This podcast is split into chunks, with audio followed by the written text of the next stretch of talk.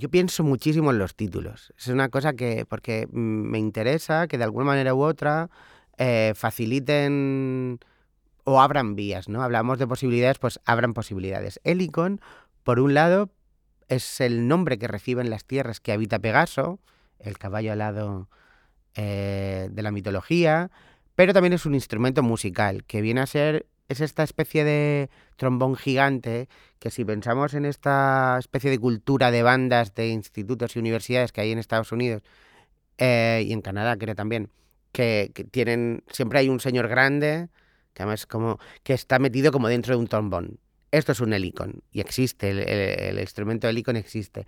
Entonces, por un lado, era un instrumento que es una especie de tuba rara, que es como una corneta, que incluso se utilizaba antiguamente, una versión más reducida, para llamar, ¿no? Como cuando estás llamando, por ejemplo, en un ágora o en, un espacio a lo mejor de, para invocación religiosa, se, se utilizaba, pero también es el nombre de estas tierras místicas mágicas que habita, habita Pegaso. De hecho, el dron que aparece al principio es la vista de Pegaso, que se está acercando a ver qué está pasando. O sea, qué está pasando en mis tierras, ¿no? Entonces, este tipo de juegos con los títulos siempre, siempre están. Lo que pasa que a veces son, son complicidad, son secreto, son complicidad con pues, algún visitante que de repente yo le pueda contar, o con la, con la comisaria, en, esto, en este caso de Helicon, con la gente que, o bueno, ahora con quien esté escuchando y con gente que ha venido a ver la obra, ¿no? Aunque se explica en, en la hoja de sala, en este caso, son en, en la descripción, pero, pero muchas veces hay juegos que van más allá, ¿no? Y creo que es fundamental, igual que hablaba de habitar campos semánticos, es si no los tienes, si no tienes las palabras, invéntatelas o juega con ellas, ¿no? Y, por ejemplo, utilizo muchas veces cosas que tienen que ver con, mi campo semántico emocional o, o, geográfico incluso. Fons audio. Obras de la colección Magba explicadas los artistas. Fito con esa. En el caso de Helicon, por ejemplo, es la primera vez que son músicos yo no diría que todos, pero el 70% son profesionales. Los más jóvenes pues están en proceso de... Pero hay, una, hay un secreto. En el hay un secreto. El 80% son de mi familia. En el sur hay una costumbre que para mí creo que se podría, si entramos en comparativas para, para, para generar algún tipo de contexto. Se podría parecer a, aquí como en la, los scouts o como un grupo, o scouts también en otro sitio, ¿no? Como gente que se, que jóvenes que se juntan whatever, para hacer lo que sea.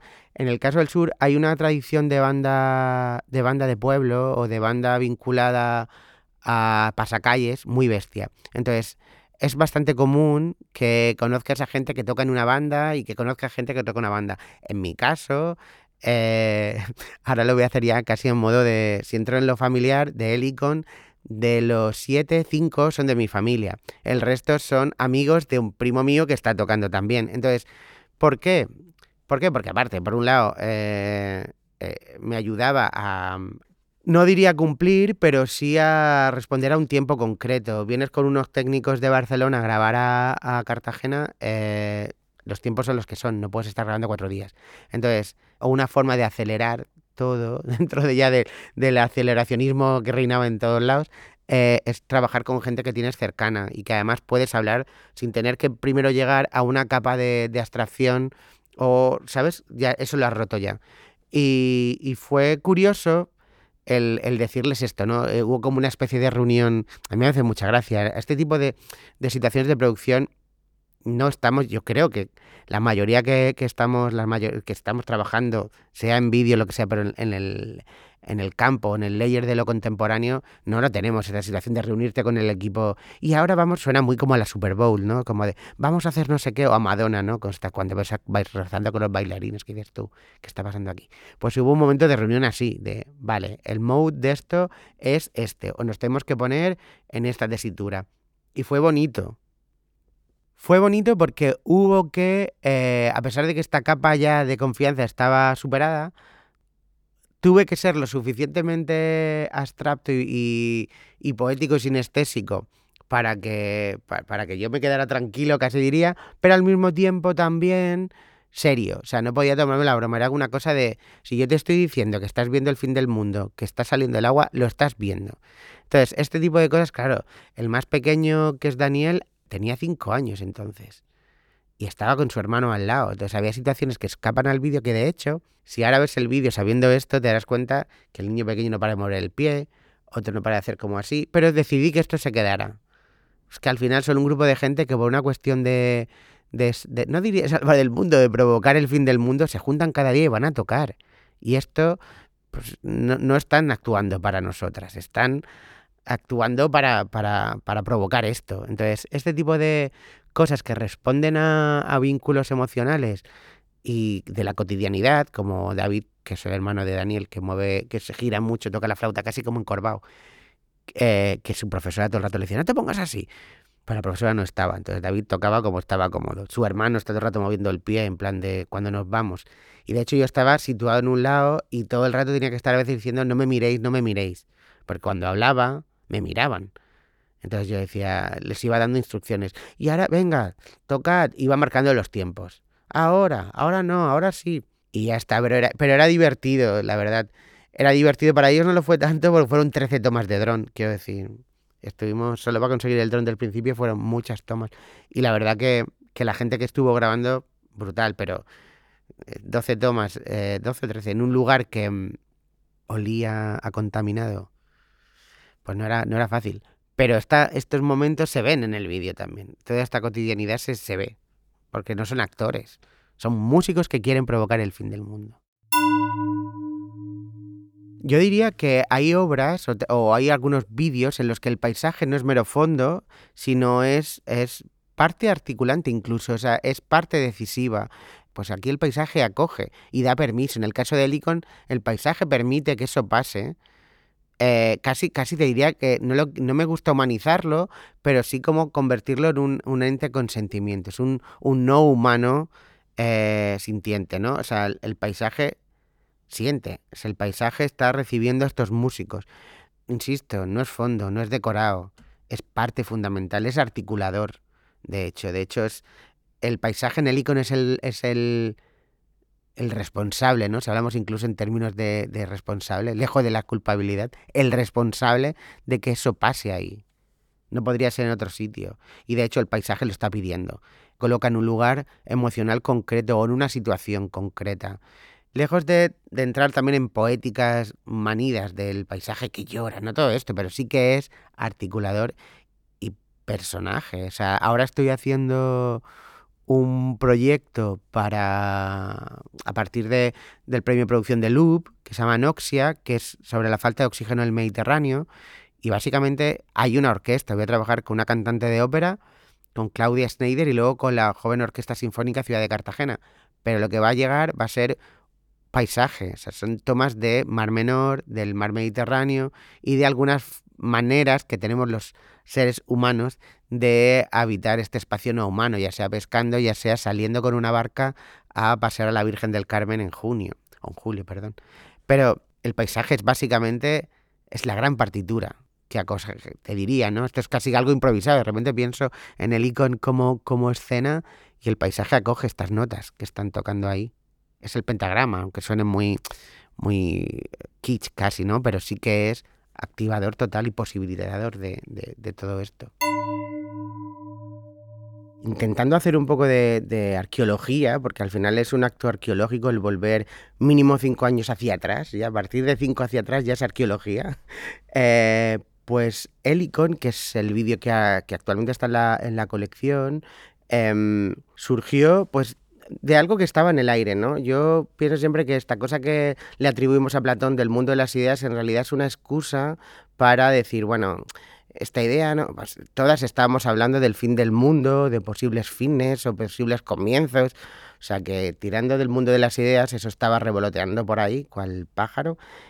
Y eh, pensé, fin del mundo, bueno, eh, vamos a ver, en, que, en, la historia, que desde la literatura, más allá de la ciencia ficción, ¿dónde se ha dibujado esto del fin del mundo?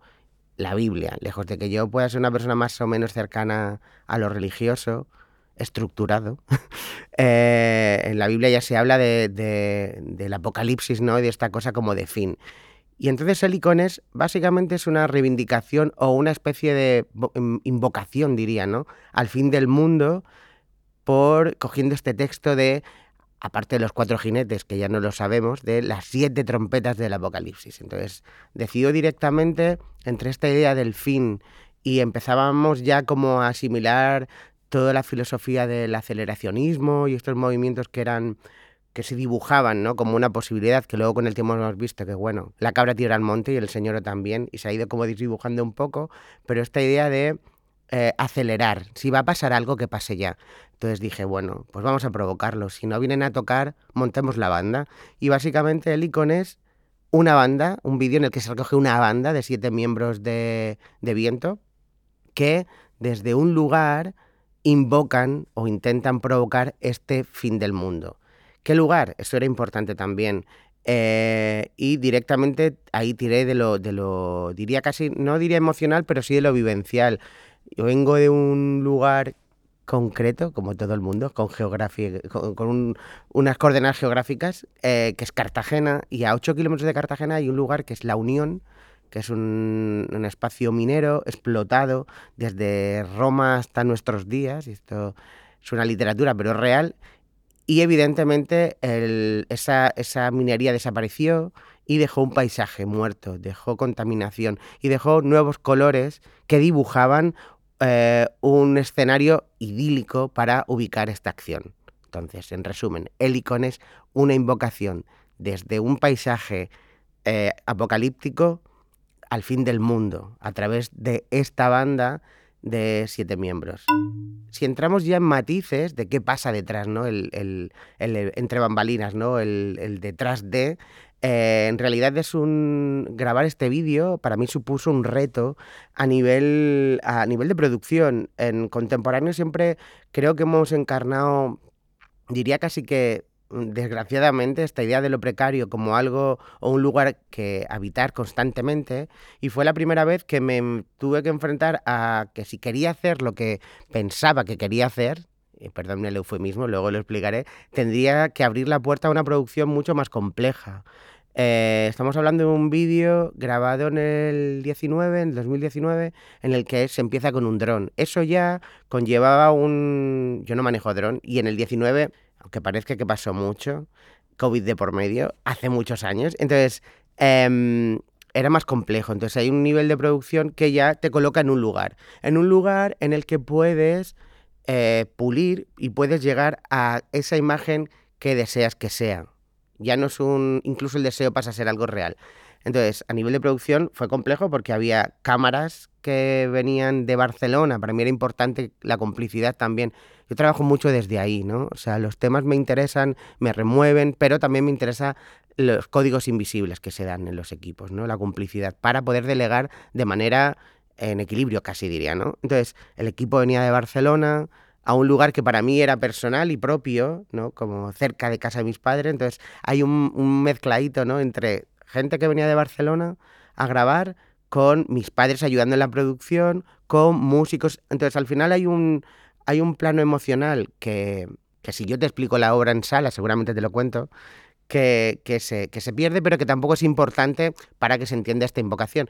Pero sí que creo que, que sí que es importante, valga la redundancia, ponerlo de manifiesto y hablar de que la producción muchas veces, cuando tienes que cuando vienes del contemporáneo, sobre todo, ¿no? Si hablamos de publicidad, ya son otros lenguajes.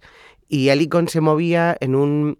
Mi, necesidad de poder producir eso se movía en, una frontera rara, ¿no? De, decir, pues hay que producir esto. Y lo hice como pude y ya, ya conseguí salir de ahí porque fue un vídeo costoso también de producir.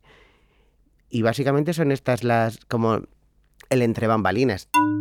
Hay muchas anécdotas, evidentemente, que en realidad de alguna manera corroboran que elegí el lugar idóneo. Una de las anécdotas es que al grabar, la propia cámara del dron interfería con todos los minerales que había en este lago artificial que se puede ver en la imagen donde están los músicos provocando, provocando este, este inicio del apocalipsis y se perdía, perdía conexión por la interferencia de, de los minerales. Entonces, eso ya me decía, este era el lugar. Si el fin del mundo comienza en algún sitio, va a ser aquí no va a ser en, en, en, esta especie de, de, ficción o retrofuturismo paisaje que, que, nos están o que hemos ido a, de alguna manera asimilando como, como un posible fin, sino es algo más terrenal y que está aquí y que encima es desecho y producto de la, de la mano del, de, de, del ser humano.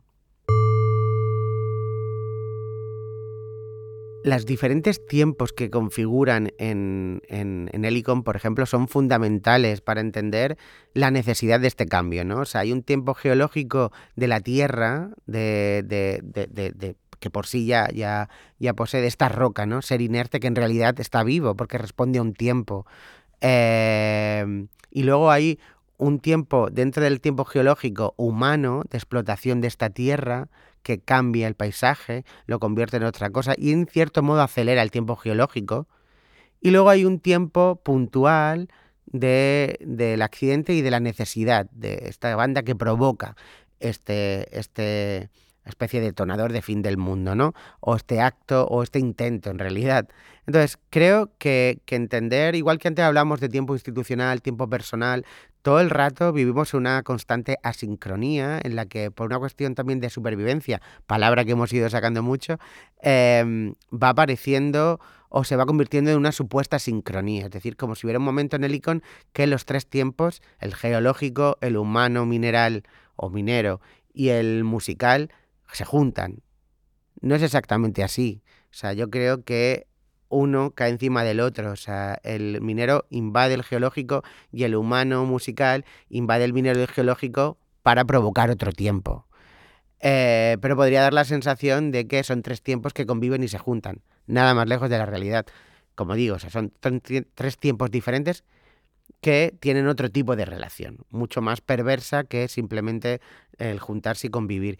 Y creo que, que el, tiempo, el tuyo, el del otro, y entender los tiempos es una asignatura pendiente, pero igual que es una asignatura pendiente el ego y la muerte. O sea, esto es algo que pienso mucho con, respecto a, la estructura educativa en la que nos hemos formado todas, ¿no? Es como de repente si nos hubieran enseñado a manejar eh, el tiempo, a entender el ego, el tuyo y el, del otro, ¿no? O sea, tu, ego y el del otro y, el, y la muerte también, el fin del tiempo o el comienzo de otro tiempo viviríamos más tranquilas con algunas cosas.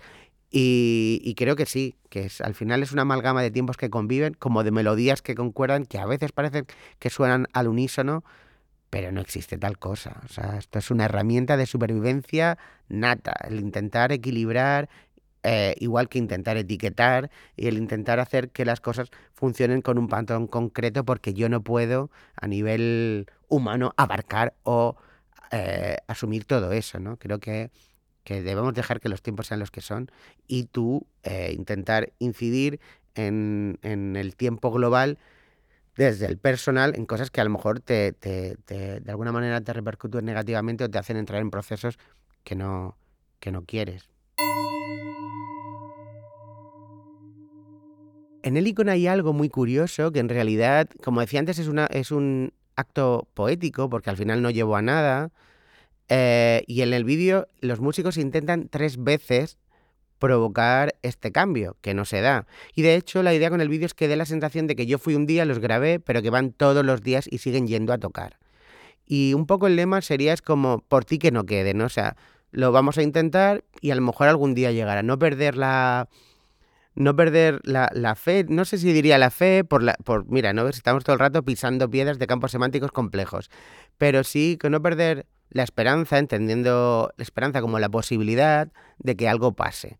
Y yo creo que es esto, es, no pierdes nada.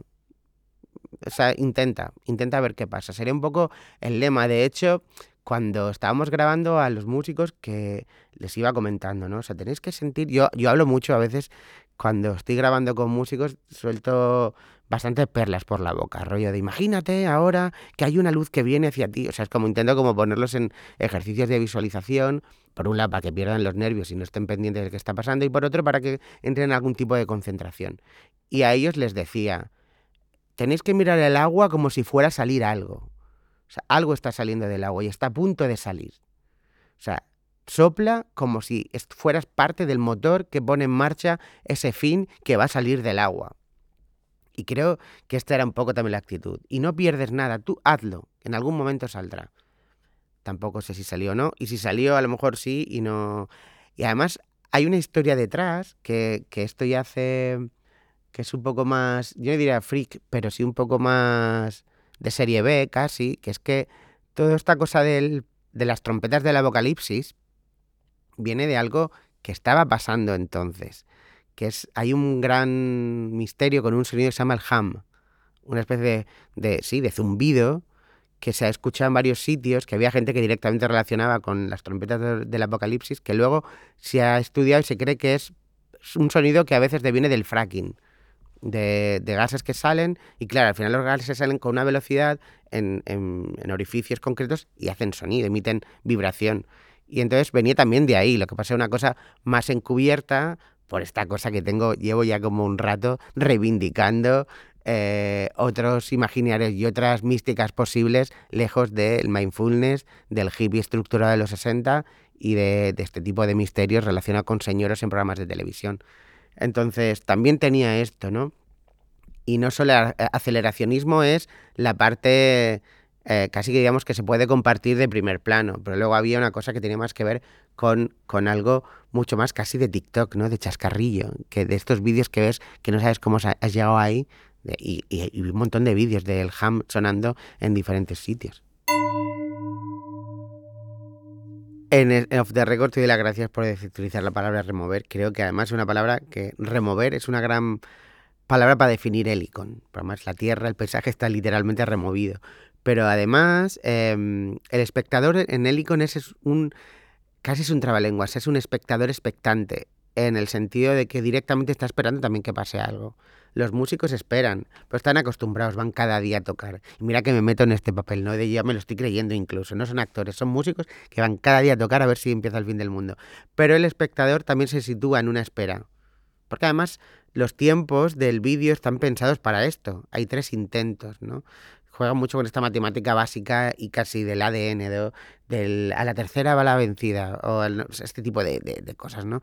Eh, además, intentan iniciar una melodía que no, te, no, termina de dibujarse, que reverbera en el espacio.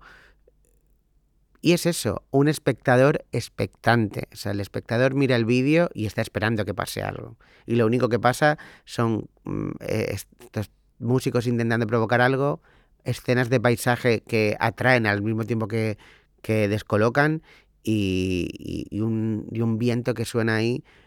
No pasa nada, en realidad. Esperas nada y no como algo negativo, sino bueno, no es hoy, pero igual será otro día. Esto se graba un año, pero a lo mejor será... Pero creo que sí, me gusta el concepto incluso del espectador expectante, ¿no? Esta cosa de, de, de trabalenguas que comentaba antes.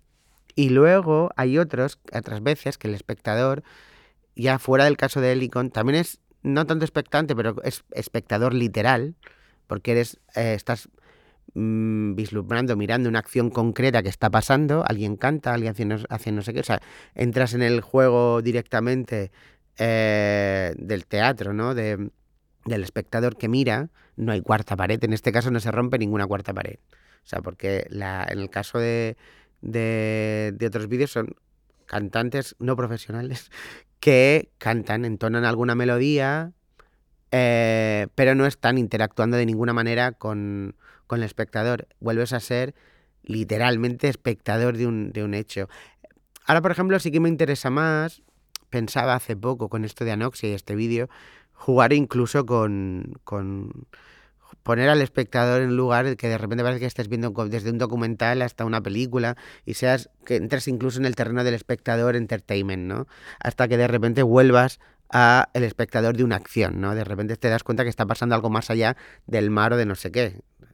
Y esto es fácil hacerlo, simplemente es como pasar del paisaje no fondo, paisaje protagonista, a paisaje acogedor de una acción concreta humana. Entonces, eh, creo que ahora voy un poco más allá, por generar también, es una, me permite jugar con diferentes ritmos de atención, y esto me gusta, pero el icono es espectador expectante de una acción que nunca llegará a su fin, o si ha llegado, eh, no la vemos, ya, la sentimos ya. Es verdad que la, la idea del espectador expectante, eh, sí, sí, es verdad que te sitúa en una especie de, de situación de inmovilidad, de bueno, miro y ya está. Bueno, es que miro ya está en el contexto en el que estoy mirando ahora, pero mi tiempo es otro y cuando salga de aquí se activará un tiempo que seguramente algo del no hacer se transforme en qué puedo hacer. Y no quiero caer en esto en una frase como muy de moralina, ¿no? De qué puedo hacer yo ante esto. Pues a veces no hacer es el mejor hacer. Pero, pero sí que es verdad que creo que hay un tiempo de observación, hay un tiempo de recepción, un tiempo de asimilación y hay diferentes tiempos también. Entonces, un espectador cuando está viendo, no, no participa, es una acción que le puede quedar fuera o, se puede mantener ajeno, pero que al mismo tiempo no es, porque está interpelando algo mucho más global y más complejo que le interpela, pero en otra velocidad. Le interpela, eh, depende ya también de la experiencia y el recorrido vital de cada una, pero le interpela de un grado u otro. Em, pero es verdad que cuando sí que, sí que me posiciono en él, ahora miras y- y ubicas y, y ya verás qué, ¿no? O, no. No tanto en el... Y que esta, esta especie de pepito grillo, ¿no? De, de murmuro latente llegue en algún momento. Pero, pero no me interesa, o no, no me interesa, es que me sentiría un poco eh, barroco o kitsch si de repente sales como una especie de tenemos que hacer algo, ¿no? Te imaginas que de repente sale alguien de ver el icon, esto no puede ser. ¿No? Sería, incluso ves que he cambiado mi voz a la hora de decirlo, ¿no? He puesto como voz de, de anuncio de, o de serie de televisión de doblaje. Esto no puede ser. No, no. Que te llegue mañana en tu casa, cuando estés escuchando algo en la radio, un podcast o estés leyendo algo, que de repente hagas una conexión inesperada con algo que digas tú, uy, ¿y si esto iba de esto, no? Aunque te quede muy claro, tú puedes leer los contenidos de la pieza y del vídeo y decir, vale, esto va de esto. Vale, sí, como quien se lee, pues yo qué sé, eh, lectura fácil y dice, esto va de esto. Pero eh, luego en, lo cotidiano se activan pequeñas situaciones de lectura fácil de esta, de esta novela de Cristina Morales. Es como que de repente van pasando van pasando cosas que esto me recuerda, pues a mí me interesa esto, esto me recuerda, quitando el sujeto incluso. No es, esto me recuerda que el vídeo de Fite, no, esto me recuerda aquello de los músicos en medio de una mina.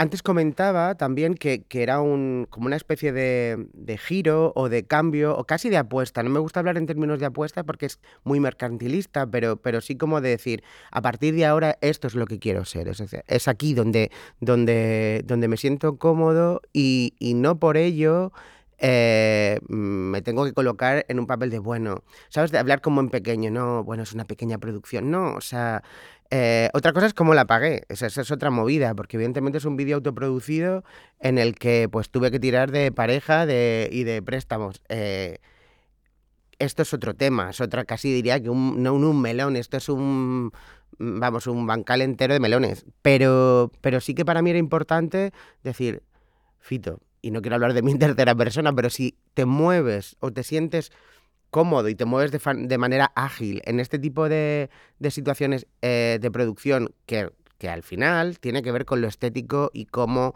eh, cómo esta cosa de imaginarte algo lo llevas a, a, algo físico, por decirlo de alguna manera, si te sientes cómodo ahí, no renuncies a esto. O sea, intenta ver cómo. Y he sido algo que, que desde entonces sí que me marcó como un, no diría un punto de aparte, pero una especie de vértice que de repente giró algo. Esto también me pasó en, en, otra obra, por ejemplo, cuando... Pues yo diría que fue... Es que seguramente tienen que ver con las mismas fechas, a lo mejor son espacios que yo estaba mentalmente transitando, pero cuando, cuando la Fundación Miró, la comisaria Pilar Cruz me invita a participar en, en un ciclo maravilloso, perdón, porque. Pero es que es maravilloso, fue un ciclo maravilloso. De un monstruo que, que hice la verdad.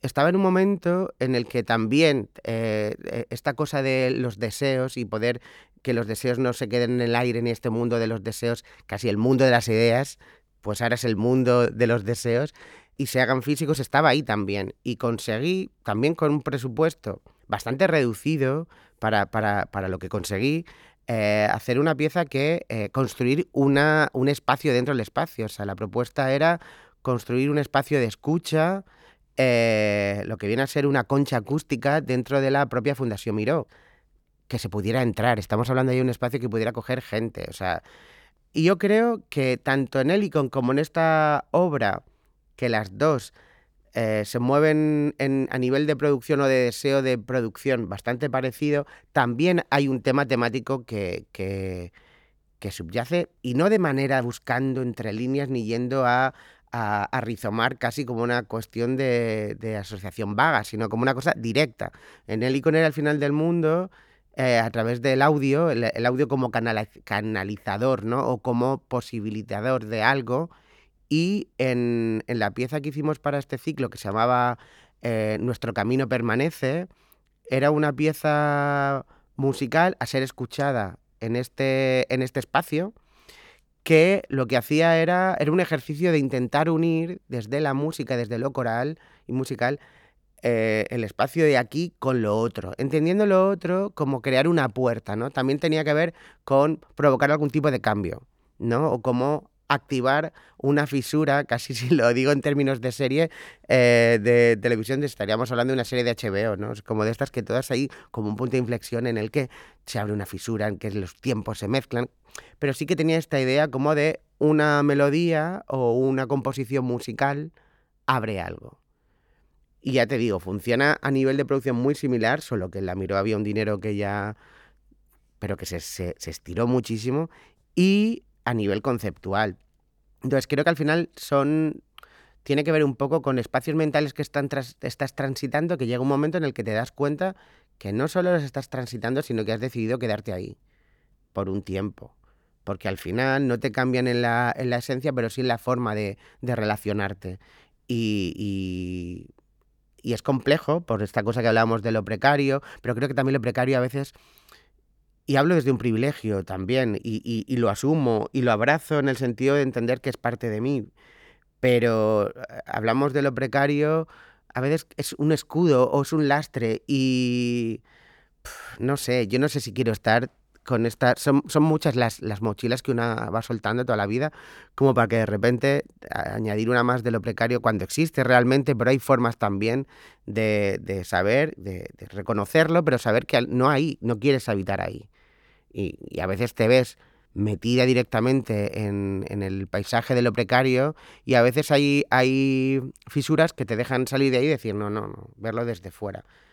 Insisto, reconozco mi, mi privilegio en el sentido, por ejemplo, de Helicon, que pude contar con, con, con, alguien que hizo de puente para que yo pudiera básicamente dar mi pareja, o sea, para poder realizar este vídeo.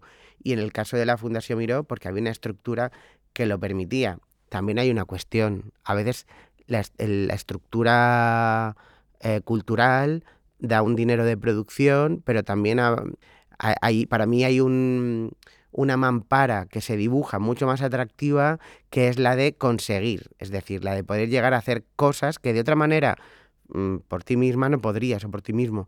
En el caso de la Miró, pude hacer una colaboración con el Corjova del Orfeo, Básicamente porque eh, fui. Tu, me pasé una tarde entera mirando de casualidad quién colaboraba con quién y de repente vi que la Fundación Sabadell era parte también del patronato de. Que, que en este caso la Fundación Sabadell colaboraba con la Fundación Miro, era parte del patronato del Palau de la Música. Entonces dije, bueno, entre instituciones se entenderán.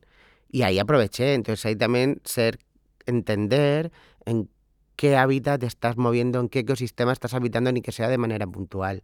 Y en este caso, aproveché y dije, bueno, si voy al Palau diciendo, tengo este proyecto en la Miró que financia el Banco Sabadell, pues ni que sea por la extrañeza de que eh, de, de, desde el, por el Palau de qué hacemos, qué no, pues al final salió. Y seguramente si hubiera ido yo me habrían dicho, sí, claro, ponemos banda sonora lo que quieran, venga, sí vente en el 2050 a las 4 de la tarde a la cafetería. Pero en este caso, también evidentemente tenía un curro detrás, le eché mucho morro, que esto también creo que a veces a mí me ayuda, ¿no? Gano mucho en distancias, perdón por el piropo, pero no está mal que eres un poquito de vez en cuando, pero gano, gano en las distancias cortas, entonces no me veía mandando un PDF con todo el proyecto y directamente pedir una reunión y me planteé allí Pero esto, la estructura está, existe, pero también al final tiene fisuras que no tienen por qué eh, resquebrajarla, pero sí te pueden permitir hacer cosas que de otra manera no, no tienes que estar mendigando amor, ¿no? Que esto es también otro tema, ¿no? En lo emocional y en lo laboral, mendigar amor es de lo más complejo. Porque mendigar dinero, pues la estructura eh, perversa de, de, lo precario te obliga a veces, pero mendigar amor ya es mucho más complejo, porque se queda y, y, hace, y hace raíz.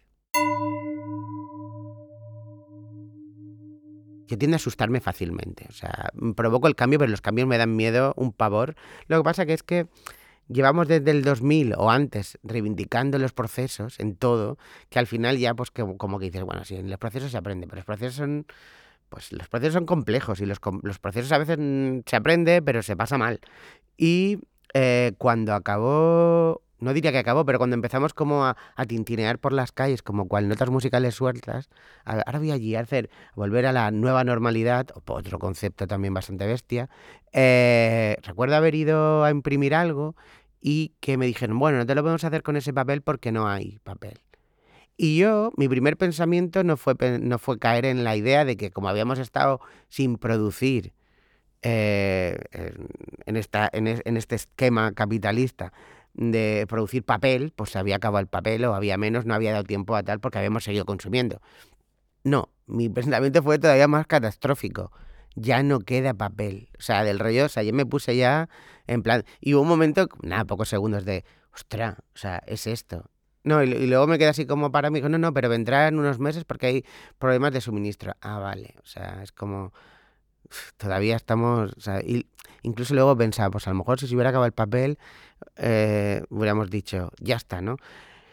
Creo que en unos años vamos a poder hablar de otra manera de todo este momento en el que estuvimos eh, atravesando esta, esta especie de paréntesis raro eh, o de acorde musical extraño, un diabolus en música y en medio, porque ahora mismo no hemos puesto ni distancia ni estamos cayendo, estamos viendo las consecuencias alrededor, porque hay gente que de repente tiene problemas serios de salud mental, bueno, ha subido el número de suicidios hay, hay, y estamos exigiéndonos el doble, pero luego cuando pasa algo es como, ay pobre, ¿por cómo estaba? Hombre, eh, a veces no hay salida, o sea, entonces creo que no estamos todavía eh, preparadas para, para hablar de esto porque no hemos puesto distancia y estamos romantizando que bien estaba yo las dos semanas. Que yo soy la primera, quiero decir, es como de, que bien estaba mmm, porque estaba durmiendo y nadie me mandaba mails, porque, pero y porque estaba eh, bien. Pero claro, luego empiezan a salir los, los acordes de fondo que hacen que la canción de pop se convierta en otra cosa, ¿no? Es como esta narrativa primero de la naturaleza, todos living together, de repente salen por detrás unas cosas medio dices tú, espérate, espérate, te está transformando en una especie de, de dark metal que me gusta pero me da un poco de miedo, ¿no?